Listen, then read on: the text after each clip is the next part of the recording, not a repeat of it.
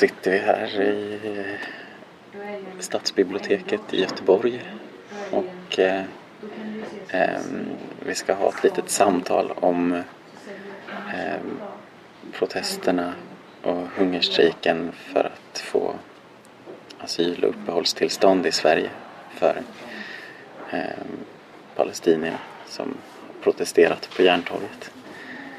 Eh, och eh, det är Nadal och eh, Ellen som är med.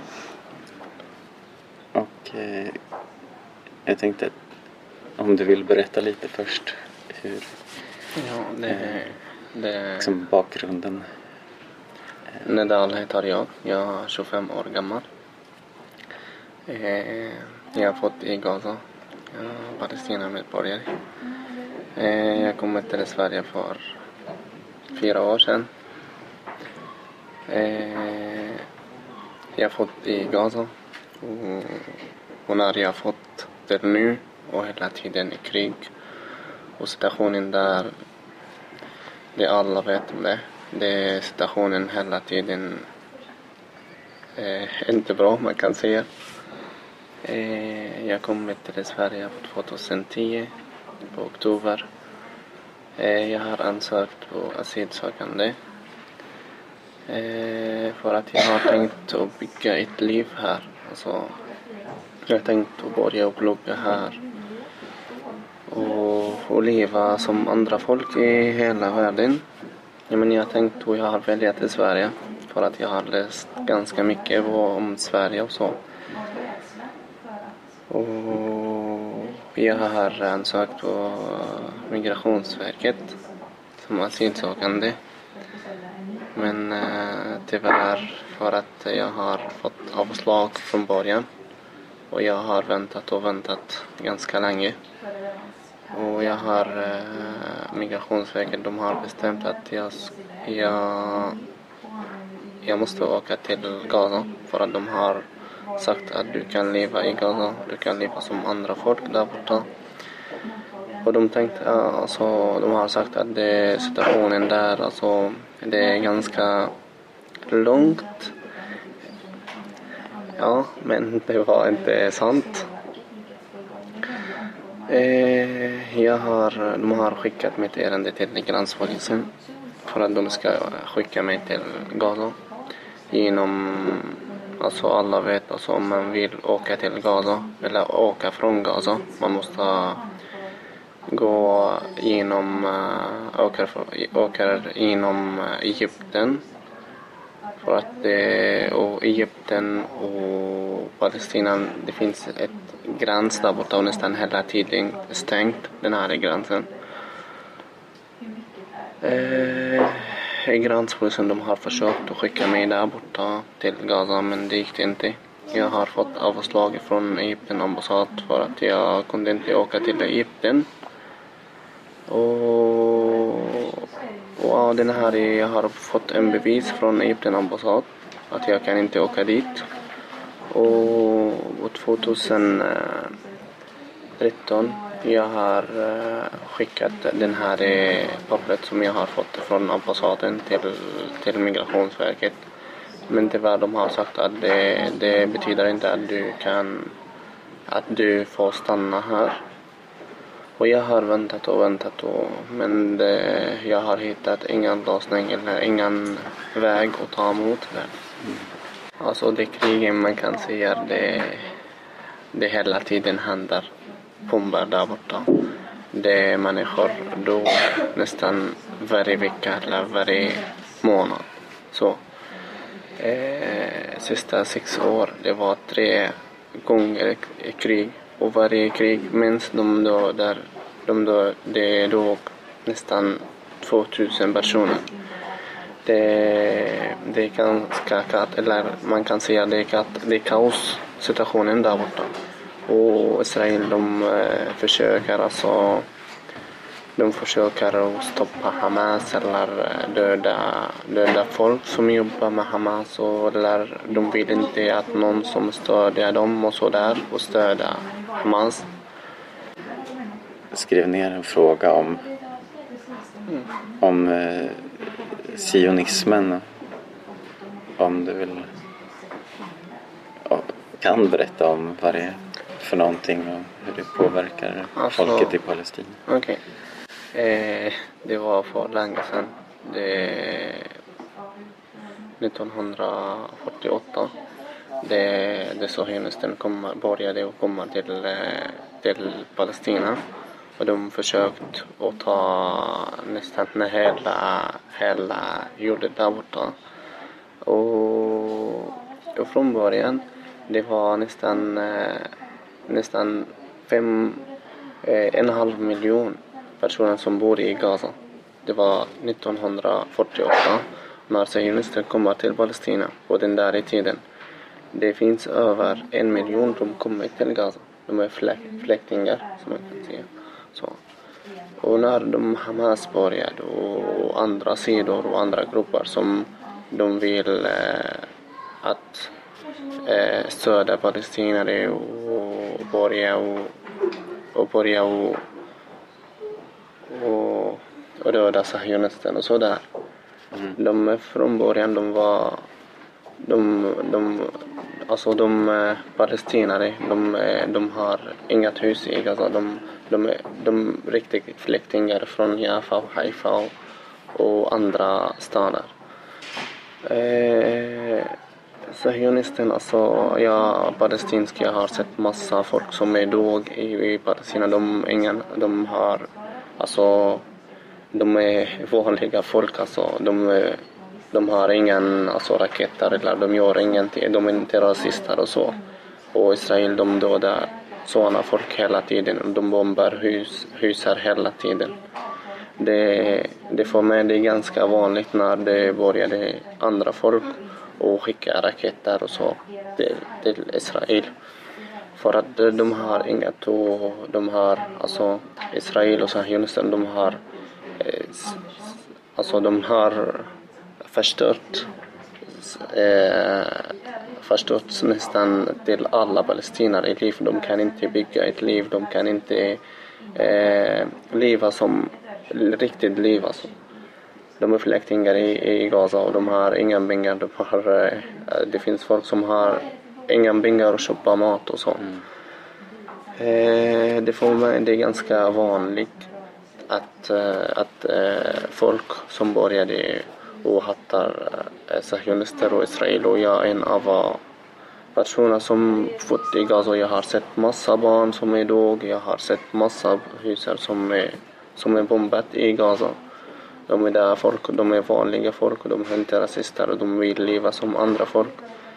Men när, eh, när någon Alltså, alltså det, det finns barn som 10 år och 15 år. De har ingen familj alls.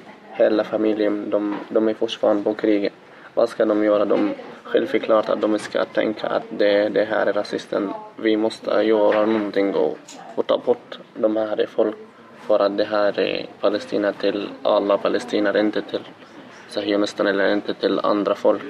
Det är Israel, de hämtar varje år varje år folk från hela världen och, och ger dem typ lägenheter och jobb och sådär för att de ska komma och bli eh, ja, de ska komma och, bo i Israel, de ska få Palesti- eh, Israels eh, pass och sådär. Men eh, alltså det är inte normalt, det är inte normalt alls. Och det är, eh, ja det är det. Det är det som jag kan eh, förklara. Ja, det var jättebra. Hur såg din resa ut från Palestina till Sverige? Vilka ställen på vägen kom du till? Ja, det, det var inte lätt så fall. Jag har försökt um, massa gånger att åka utomlands från Gaza, men det gick inte. Jag hade helt lite tur 2010. Jag har ansökt för att jag vill åka till Turkiet och fortsätta att plugga där borta. Och jag har fått eh, visan visum till Turkiet och, och efter tre månader jag har åkt till Turkiet. Och, men det var mitt mål till Sverige faktiskt, inte till, till Turkiet. Ja, jag, jag åkte till Turkiet och jag försökte kontakta folk som kan hjälpa mig att åka till Sverige och jag har, eh, jag har eh, hittat eh, några som, alltså, som tar folk och, och, och skickar dem till Europa och sådär. Det, det är olagligt men jag hade ingen annan lösning, alltså, man kan säga så. Eh, ja, det tar nästan eh, fyra månader när jag åkte från Gaza till när jag kom till Sverige. Det var fyra månader. Mm. Och det, jag har betalat mycket pengar. Jag har... Eh, jag hade... Alltså, det jag kommer ihåg några dagar som jag sov i, på gatan Mm. och så där för att jag hade ingen, eh, inget hus, jag hade inga vänner som bor i Europa och så. Eh, det var inte lätt men eh, i så fall det gick och jag har kommit till Sverige. Mm. Ja. Så är det lite som att eh, du som att att komma till Europa dels så, så måste man göra det olagligt för att det inte finns något lagligt sätt att komma hit. Eh, men också så behöver man ha pengar för att eh, ta sig liksom den resan. Det, alltså, ja det är självklart man, Ja. man behöver mycket pengar om man vill åka till vad som helst. Mm. Men det är folk i Palestina, de, eh, alltså det, det är inte lätt om de vill åka till eh, andra länder. De vill nästan till hela landet visa och det tar tid och nästan eh, om, när man har pengar, när man har, har, eller man har bra jobb och sådär, alltså man kan åka utomlands. När man har ingen, ingen inkomst, ingen bra inkomst, alltså man kan inte åka till, till, till, eh, ja, till någon värld. Men eh, eh, det är folk som kommer här olagligt för att de kunde inte komma här med visa eller sådant. Det är därför det finns folk som, eh, som kommit olagligt. När du kom hit, vad gjorde du då? Vad, eh, vad liksom hände då? Jag hade kontakt med en eh, kompis innan att jag kom till Sverige. Han är borta i Kristianstad. Och när jag kommit till Sverige eh, eh han har eh, visat mig hur eh, var är Migrationsverket och vad ska man göra med Migrationsverket för att eh, man, eh, man ska bo här som inte olagligt. Man ska bo här som eh, eh, eh ja, man måste, man måste eh, Eh, man måste gå till Migrationsverket och ansöka som asylsökande och sen väntar när de, de ska svara på ja, Mm. Alltså du, hade, du hade varit här i Sverige i fyra år ungefär när er eh, protest började och hungerstrejken. Hur, hur började det liksom och hur var ehm, kontakten med Migrationsverket Nej. innan och sen? Men 2013 hade jag fått eh, bevis från Egypten ambassad att jag kunde inte åka till, tillbaka till Gaza genom Egypten. Och gränspolisen de kan inte göra någonting till mig. De kan inte skicka mig. Och Migrationsverket fortfarande, de, de har varit och sa, de sagt att vi kan inte göra någonting. Du måste flytta till, till Palestina. Jag har tänkt faktiskt att uh, göra någonting. Jag ska inte vara, jag ska inte jag ska inte vara så. Det, det var tre år och jag har gjort ingenting och det är, mitt, det är min eh, framtid nästan. Jag har tänkt att den är, den är förstört och jag är ung. Jag har varit 23 år. Jag har tänkt vad ska jag göra? Eh, och så. Jag har försökt att kontakta några på internet som eh, har inget uppehållstillstånd från palestinier som har redan de har fått avslag och de har ingen lösning som eh, mitt problem. Mitt problem. Eh, ja, det var 2014 Eh, jag känner eh, nästan tre personer och, se, och, och, vi har försökt att kontakta andra folk som har, som har eh, avslag från Migrationsverket och de kan inte åka tillbaka. Och sen vi började med, med, med eh, vi tänkte att, att göra någonting, att vi måste visa alla folk, eller vi måste visa de som har gett oss eh, den här avslag, vad ska vi göra? Eller, vad ska man göra nu när man har ingen lösning? Vad ska man göra? Sen vi tänkte att eh, ska ha, vi ska börja med, med stryk hungrig stryk. Eh, och sen eh, det är massa folk som har kommit och mycket personer som jobbar med media och så. De har kommit och sådär. Och vi började med sex personer och sen de har kommit och vi några till och vi har varit på Järntorget nästan 40 personer. De alla från Palestina och nästan alla fått avslag från Migrationsverket. Hur um, satte det press på Migrationsverket? Och, mm. uh, förändrades liksom er, ert inflytande eller vad man ska säga? Mm. Innan, alltså innan att vi började med, med den här tältet eh, Eh, vi, vi, har, alltså, vi har försökt att kontakta Migrationsverket några gånger. Vi har försökt att att, att, att träffa någon från Migrationsverket. Men det var alltså det, det var inte lätt. Och när, när jag till exempel jag har varit några gånger hos Migrationsverket och det, de säger att du kan inte träffa någon och så. Och det är ditt ärende. Det finns ingen har nytt på ditt ärende. Du måste flytta och så. Eh, men efter, den, efter tältet, det är några som jobbar med Migrationsverket som de har kommit till tältet och de har, de har sagt att vi ska, vi ska försöka och vi ska kolla på varje persons ärende och vi ska hitta någon, något lösning och sådär. Och ja, det, det, det, det händer mycket när vi började med stryk och sådär. Ja, och just nu alltså det finns det, det är några och jag är en av dem som har fått uppehållstillstånd. Och ja, det, Så det, ja. det har gett eh, en del resultat liksom, ja. um, hur, hur har det varit att, eller liksom det här att hungerstrejka, att vara utan mat och eh, åka till sjukhuset och allt det.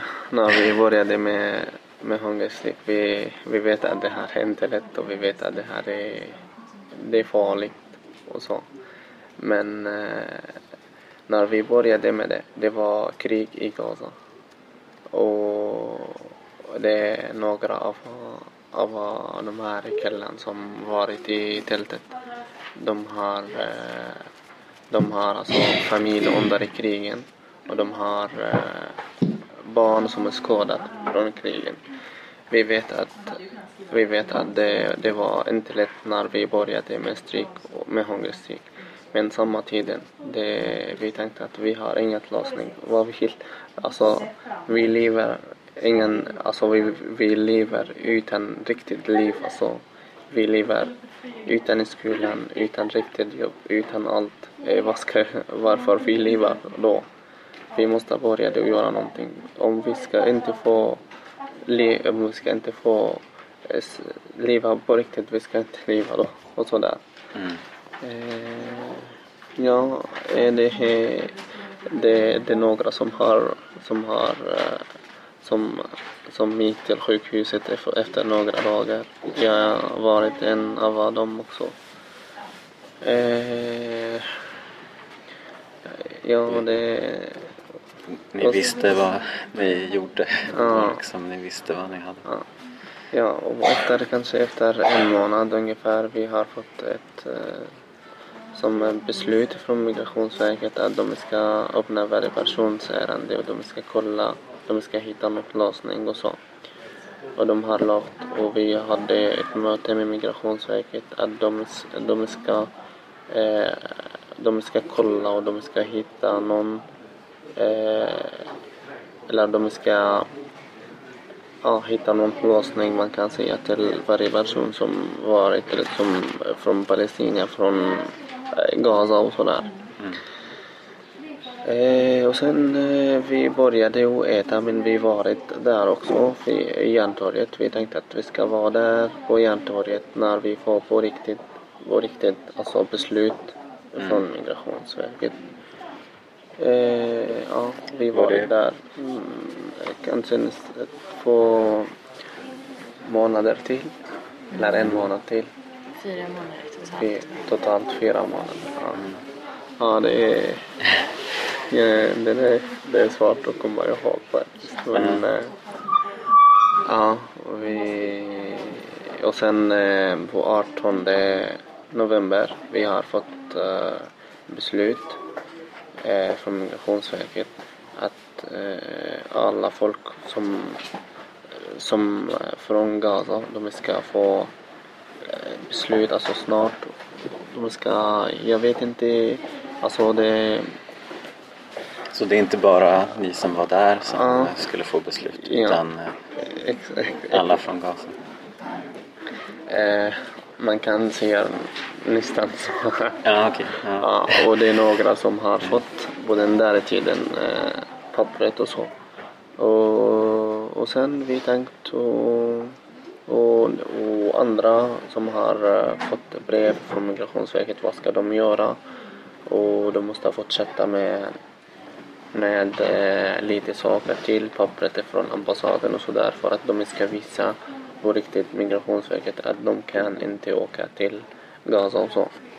Och, de och, och Migrationsverket alltså måste hitta någon lösning till, till de här killarna. Ja, det är nästan 10 personer som av 40 som har fått mm. pappret och jag hoppas att alla killar får stanna här och få uppehållstillstånd. Mm. Blir det som att det blir det inte som att om några får det så borde alla få det? Eller det jag kanske inte är så, så rättvist? Det är inte jag som kan svara på den här. Men eh, jag har varit en av dem. Jag vet att eh, det är inte lätt när man bor här utan pappret. Jag vet hur man känns exakt.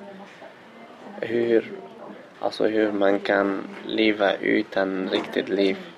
Alltså när man går i vägen, det, det känns, alltså det finns skillnad mellan andra folk och mellan mm. mig själv när jag har inga papper. Mm. För att andra folk, de kan plugga, de kan jobba, de kan göra något i livet, de kan resa. Mm.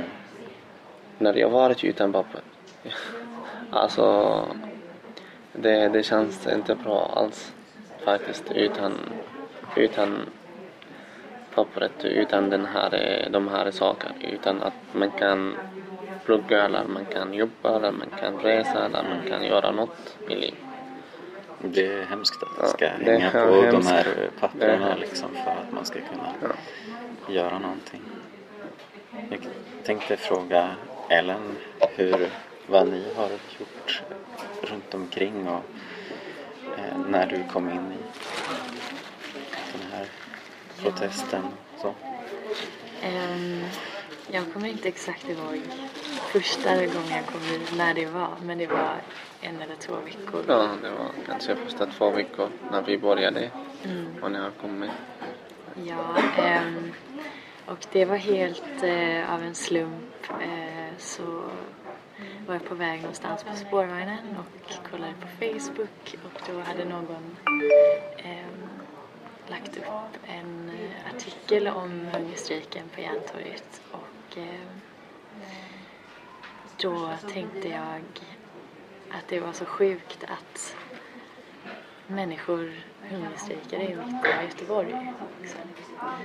Um, det var en så absurd grej så jag, jag tänkte, kände genast att jag behövde gå dit och se om det, ja, om det var sant och om det stämde. Så jag åkte dit och eh, pratade lite med några av killarna där och eh, skrev på underskriften, eh, signeringslistan och sen eh, så ja, undrade jag om det var något mer man kunde göra för det kändes verkligen så lite liksom. Och, eh, så då så berättade de att man kunde hjälpa till och sprida det här i, eh, på sociala medier och ja, be folk bara komma dit och faktiskt se vad som händer i Göteborg. Och jag, jag är från Göteborg själv och det känns som en konstig grej i ens hemstad att folk är så i en sån eh, utsatt situation. Ehm, och sen så Eh, började jag komma dit lite då och då och började prata med folk som jag känner och, eh, för att se vad man kunde göra mer. Eh, och då eh, så var vi några tjejer som planerade, eller det var en tjej som tog initiativet att göra en stödstrejk, eh, stödtältning. Eh, fast utan att hungerstrejka då. Vi skulle visa vårt stöd på det sättet. Ehm, så då var vi ett par stycken som började eh, tälta och vara där på dagarna och eh, vi kände att det var väldigt lite uppmärksamhet i media. Det var väldigt lite folk, väldigt få som faktiskt visste om att det var en hungerstrejk. Ehm, och vi kände att det var helt eh, väldigt konstigt att det ska kunna vara så. Alltså, så vi bestämde oss för att eh, börja göra små demonstrationer, små aktioner bland annat eh, gå runt med signeringslistorna på Kulturkalaset. Eh, vi började ordna små spontana torgmöten där vi berättade vad som, vad som hände. Och sen så hade vi lite små, eh, väldigt spontana små sammankomster på, vid tälten med talare och musik och och sådär. Eh, men då kände vi att eh, vi behöver göra något, det behöver bli något större. Mm. Det här får inte gå obemärkt förbi. Eh, liksom en månad in på strejken eller flera veckor in på strejken hade folk inte ens hört talas om mm. det. Så då ja, mobiliser, lyckades vi mobilisera massa kraft från olika håll och kanter. Folk kom till, till tälten och frågade vad de kunde göra. Och framförallt då så eh, känner vi att musik, musik är en stor... Eh,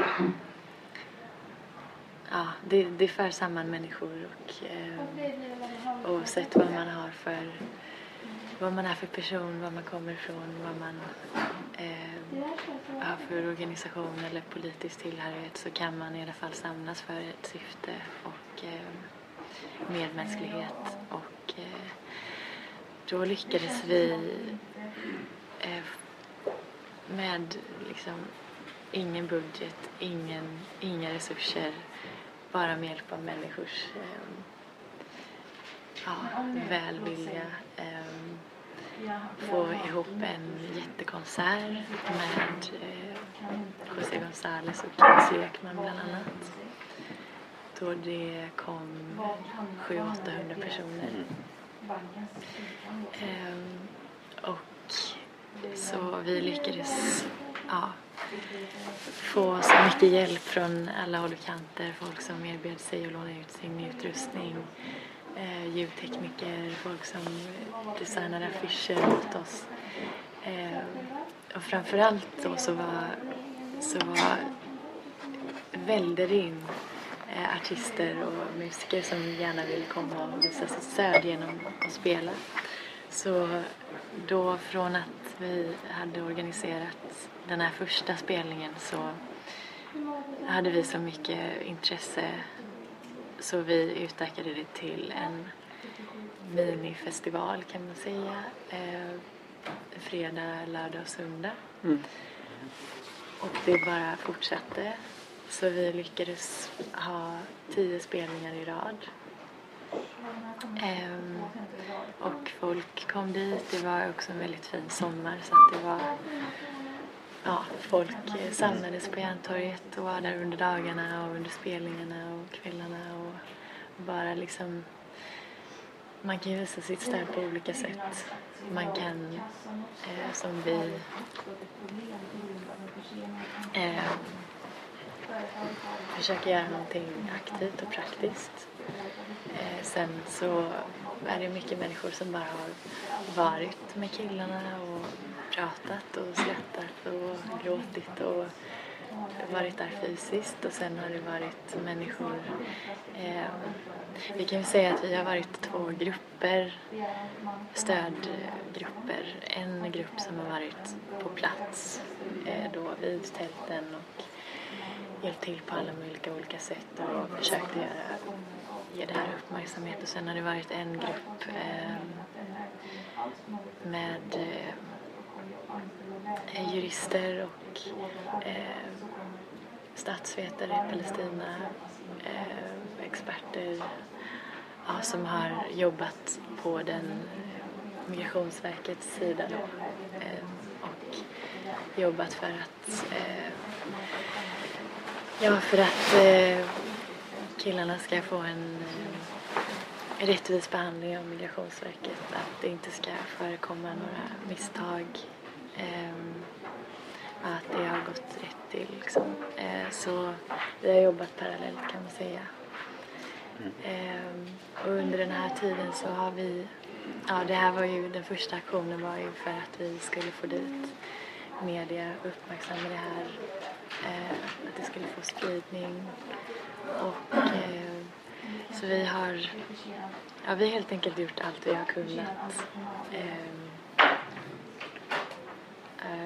utav våra förmågor. Um, och i allt det, i den hemska situationen har det varit så mycket positivt att, tror jag ni känner också, ja, ja. att folk verkligen, oavsett var man kommer ifrån eller bakgrund eller vem man är så har man bara velat visa sitt, sin medkänsla och medmänsklighet och det, det har varit det det handlar om. Liksom. Så det har varit fantastiskt att se och träffa alla människor. Och mm. också lära känna killarna ja. som har blivit en liten familj nu. Ja, verkligen. Ja. Hur eh, kändes det liksom? Ni var ju i hungerstrejk och liksom men kändes det så här det måste kännas positivt på något sätt ändå när om det tog fart med saker som började mm. hända runt omkring. Och så när vi började och med hungerstrejken. Det finns massa folk eh, som Ellen som har kommit och stödjat och, och, och de har gjort mycket saker. Och det för mig det betyder jättemycket och för, för alla killarna också. Eh, det är som eh, hon har sagt att eh, det händer eh, mycket positiva saker. Vi har eh, eh, vi har eh, varit och, och, vi har eh, gjort massa saker. Alltså, eh, typ eh, positiva saker. Alltså, vi har dansat tillsammans, vi har sjungit, vi har gråtit också. Så det, det är massa saker som har hänt faktiskt. Och just nu jag känner mycket folk. Eh, det är mycket har hänt faktiskt på, på Järntorget. Och, ja, och just nu efter, den, efter tältet, alltså vi har som en familj. Mm. Och ja, jag har känt att jag, jag har lärt mig mycket saker på den där tiden. Mycket saker. På olika sätt. Eh, ja, det det är så, så Det är fantastiskt motstånd. Ja. liksom, som har det är verkligen så. Det låter som att det är så mycket annat också än Mm. bara det här att få upp tillståndet. Mm. Jag tänker på det blir som en mötesplats också där ni har varit. Eh, Träffas ni fortfarande på något sätt regelbundet eller? Ja, ehm, jo det har väl blivit så att vi just nu under vintern så, eller nu när det har blivit kallare så har det ju varit svårt att vara just på Järntorget även om det känns som en liksom, speciell plats men alltså vi gör väl väldigt mycket tillsammans. Vi, vi eh, umgås hemma hos varandra. Vi eh, firar födelsedagar tillsammans. Vi hjälps åt när det behövs. När det behövs och stödjer varandra i allt, alla liksom bra och dåliga situationer i livet. Och eh, jag tror också alltså det som man, som jag känner och eh, jag tror många känner är att alltså det har varit eh, blivit ett ömsesidigt liksom, stöd till varandra. Alltså, vi har gått igenom så mycket tillsammans, upp och nedgångar liksom. Så att, eh, alltså vi runt omkring har börjat känna att liksom, vi har behövt det lika mycket som ni har behövt oss. Alltså det, och det har varit fantastiskt att bara träffa människor som liksom med öppna armar, alltså som man kanske aldrig skulle ha träffat annars. Mm. Att det har inte funnits några liksom, gränser eller, eller sådär. Ehm, och det är väldigt fint att det kan vara så. Ehm, och, eh, ja, alltså det, jag tror vi kommer att vara vänner och familj för livet. Liksom. Det, så känns det. Fint.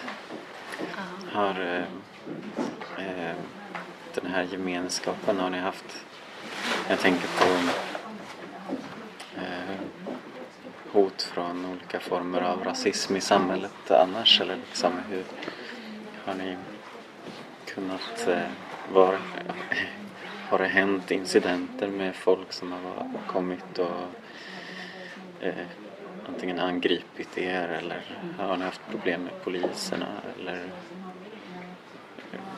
vid något tillfälle eller Nej, faktiskt. Det, det allt som har hänt, det, det var bra. Det polisen, de, de har kommit. De, alltså, de, de, de, de kommer varje dag och frågar killarna att allt går bra. Det finns ingen folk som, som kommer och, och stör oss eller så. Det, det var helt okej. Vi Mm. har inte sett att inte bra saker som har hänt faktiskt. Nej, det var allt lugnt. Allt var som, som det ska. mm. Och ja, vi hade tillstånd till platsen. Vi har allt. Eh, ja, Mm. som, ja, som, Ja, skönt. Ehm, jag, jag tänkte på det här med uppmärksamheten att eh, före jag hörde det här om hungerstrejken av en vän så hade jag inte alls hört talas om det. Och tror ni att det skulle vara någon, liksom, någon skillnad i uppmärksamhet? Vad, vad krävs det egentligen för att få uppmärksamhet av liksom, riksmedia? Har, eller hur har ni märkt av det här? Vill ni berätta om det? Um, det, det är väl både och. Att um, um, det, har, det har varit media som har uppmärksammat detta men eh, kanske inte så, liksom, med så stor utsträckning. Det har varit mest lokalt. Eh, sen vet jag inte i början innan jag kom in där så var det säkert eh, så att eh, riksmedia kanske uppmärksammade det. Men det var väldigt, det var liksom eh, det skrev, har skrivits liksom små notiser här och där. Det har varit, det har varit liksom radio och tv och så på plats men det har varit små grejer liksom. Eh, men sen så har det skrivits längre reportage också men det är väl så i, i liksom allting som händer tyvärr i, runt om i världen så är det mycket som ska tävla om, Mm. om platsen men ehm, men eh, framförallt så var det ju så här sammanföll ju strejken eh, ganska samtidigt som eh, val ja, som valupptakten där innan valet i september. Så det var väldigt mycket fokus på valet just och eh, många politiker som kände att de hellre ville fokusera på sin, Mm. eh, sina valkampanjer men ehm, om man ser det positivt tycker jag ändå det har funnits en del eh, ganska bra uppmärksamhet men, men det är svårt. Det, alltså vi har ju som sagt var bara gjort allt vi har kunnat och ringt ner tv och radio och tidningar och tills de har blivit trötta på oss nästan.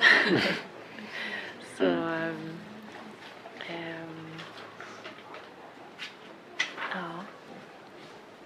Mm. Jag tänkte i höstas så var det ju det här eh, gemensamma EU-projektet med inre utlämningskontroller och så med Mos Majorum. Är det någonting som har påverkat er som har strejkat eller så? Ni har, har det varit folk som har varit här utan papper eller så som har eh, blivit kontrollerade av poliserna eller så? Du får svara. Du får svara om du kan. Ehm, nej, jag tror inte direkt eh, har det inte varit så.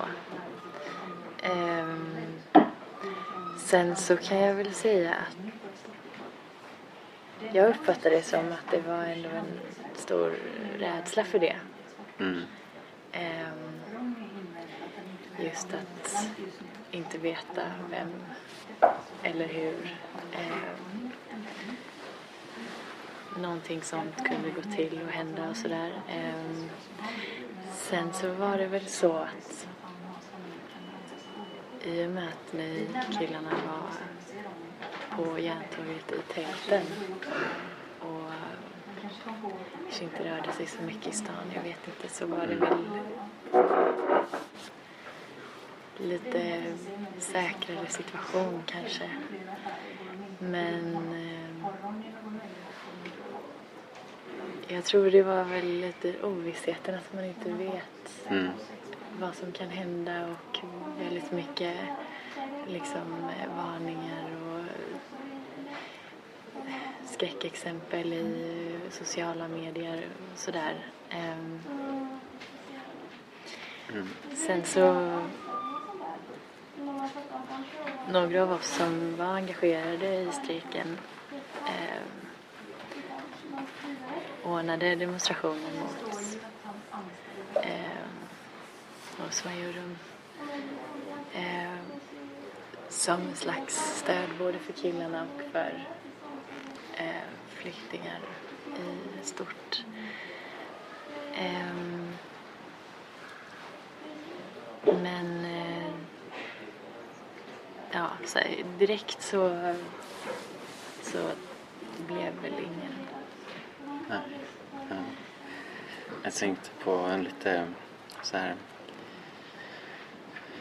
en, på något sätt en större fråga om eh, alternativ för samhället liksom med dessa gränser som ska dela upp människor och liksom eh, själva idén med nationalstaten att, att det ska vara ett folk ett land och de ska inte kunna röra sig eh, utanför eller flytta, eh, migrera om det behövs. Eh, i, den bästa av världar så skulle inte folk behöva fly. Men eh, eh som, som det ser ut idag liksom. Vad, hur, jag vet inte, vad har ni för tankar om, eh, om gränser? Vad har du, Nadal, har du reflekterat över? Liksom, Alltså, alltså för mig, jag tänker så här. Alltså, vi folk. Vi måste hjälpa varandra. Vi måste vara snälla mot andra folk. Eh, det finns, det finns, eh, alltså det finns, eh, det finns personer som har till exempel, de eh, gör ingenting i till exempel i Afrika. Det finns, de har ingen mat. Jag tänker varför det finns folk så här. Då måste alla, alla länder hjälpa varandra och alla folk hjälper varandra. För att för att eh, alltså, det, alltså de är folk, de ska leva på riktigt. De, ska, de är inte maskiner eller, alltså, eller de, de har ett hjärta och de, de, de, ja, sjukt. eh, ja, de har känsliga och sådär. De måste leva på riktigt. De måste alla folk hjälpa varandra. Måste alla leva på riktigt.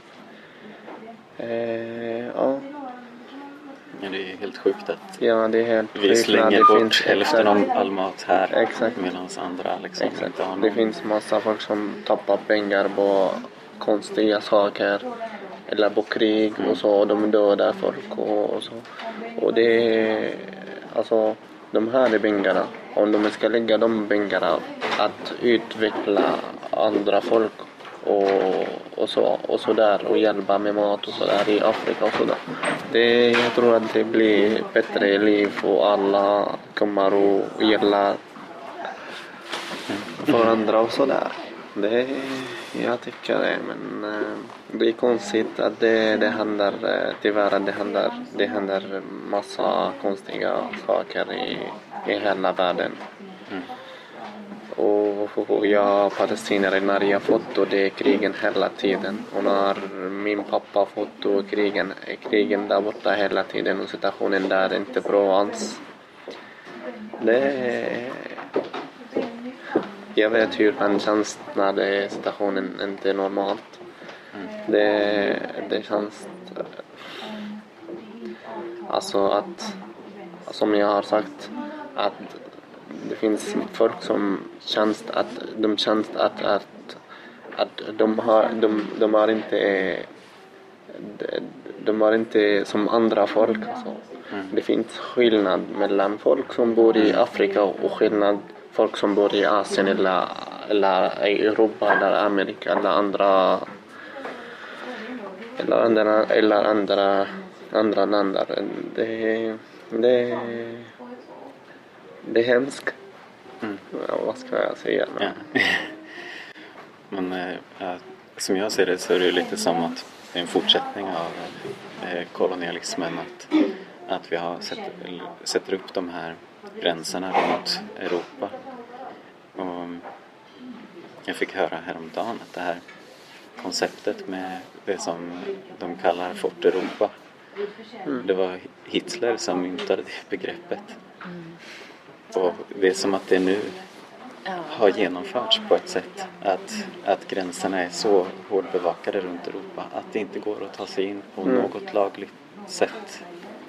Nej, det är fruktansvärt. Det är det verkligen. Hur eh, fortsätter kampen? Har ni liksom hunnit? Det har gått en månad sedan, lägret lades ner ungefär? Har ni hunnit eh, liksom vila upp er och hur fortsätter det nu? Liksom? Alltså andra killar som, de, eh, som fortfarande de väntar på ett beslut. De har kontakt med Migrationsverket genom en advokat. Eh, och, och den här advokaten han Alltså han jobbar med varje persons ärende. Eh, och just nu de väntar på ett beslut från Migrationsverket. Jag hoppas att, eh, att alla får positivt beslut. Planeras det någon fortsättning i form av någon demonstration eller någonting som... Eller Ehm, hur kan man komma i kontakt med Just, er just nu jag tror inte men eh, jag hoppas att allt kommer att bli bättre. Mm. Mm, Just nu det finns inga alltså, typ, Mm. plan eller någonting men eh, eller vad tycker du? Alltså, jag tror just nu i och med att eh, de killarna utan uppehållstillstånd väntar på ett besked Mm. så, så eh, gör vi väl mest eh, så eh, att vi stö- försöker stötta på andra sätt. Alltså, hjälper till med sånt, eh, vardagsgrejer, hitta lägenheter och öva svenska och sånt där. Eh, försöker bara vara liksom Mm. medmänniskor, vänner, hjälpa till på olika sätt. Men eh, vi... Jag vill ju fortsätta det här som vi har startat fast kanske i en annan form. Mm. Och att eh, de killarna som är, vill vara med och göra någonting mer, Mm. kämpa för palestiniers rätt till ett värdigt liv, mänskliga rättigheter. Ehm, ja, att vi tids nog hittar en form att, att fortsätta kampen på något sätt. Eh, men just nu är det väl lite en, eh, ja, en period när vi har använt allt vår styrka Ja, och kraft precis. och behöver liksom om, eh, starta om på något sätt. Mm. Men eh, vi får se vad som händer. Mm. Det är fint. Se om det var någonting mer. Eh, hur kan man eh, komma i kontakt med er? Finns det någon liksom, hemsida eller någonting som man kan... Eh, Det finns en Facebook-sida för killarna som eh, eh, där det bland annat finns all information från dag ett fram till nu. Både om strejken och om situationen i Palestina och eh, där kan man eh, kontakta oss om man har frågor eller sådär. Så ehm, eh, jag vet inte vad heter sidan? Palestinska asylsökande Hangristi, Göteborg. Mm. Ja, det, ja. Är det något ni känner att ni vill prata om mer? Så, Eh, jag vill säga en sak till som Ellen hon har sagt. Jag är en av de här killarna som jag har lärt mig massa saker. Eh, och jag har tänkt att göra eh, typ bra sak i livet. Jag har tänkt att och man måste göra någonting till andra folk i livet som behöver ett hjälp eller skydd.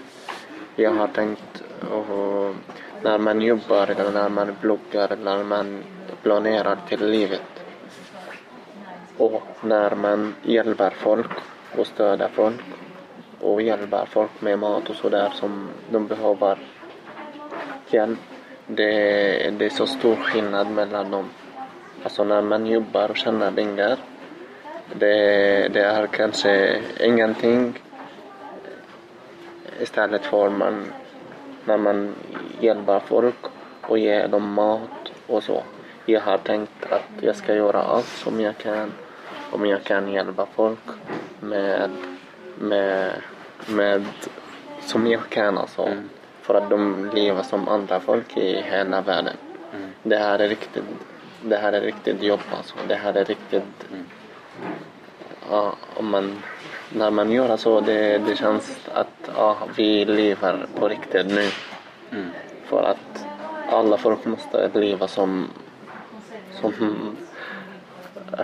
som andra folk och sådär. Ja, de, de måste leva på riktigt. Eh, ja, jag, jag hoppas att alla att alla tänker på det här sättet att man måste hjälpa varandra med olika sättet och så. Det, Ja, det är ett sätt att... ja, det sättet, alltså det Det är rätt meningslöst Mm. att bara jobba och Ja. liksom äta, sova, dö. Att hjälpa varandra. Det Någonting känns annat. vanligt när man jobbar och tjänar pengar eller när man bloggar och lever livet vanligt. När, på andra sidan, när man hjälper med folk som behöver mat, som behöver skydd. Man, man hjälper med folk som behöver kläder och så. Det här är riktigt liv. Det här är riktigt, eh, riktigt bra saker. Ja. Mm. Ja, bra sagt. ja. Jag tänkte att vi kanske kan eh, avrunda så. så mm. Tackar så mycket. Tack själv. ja. Tack.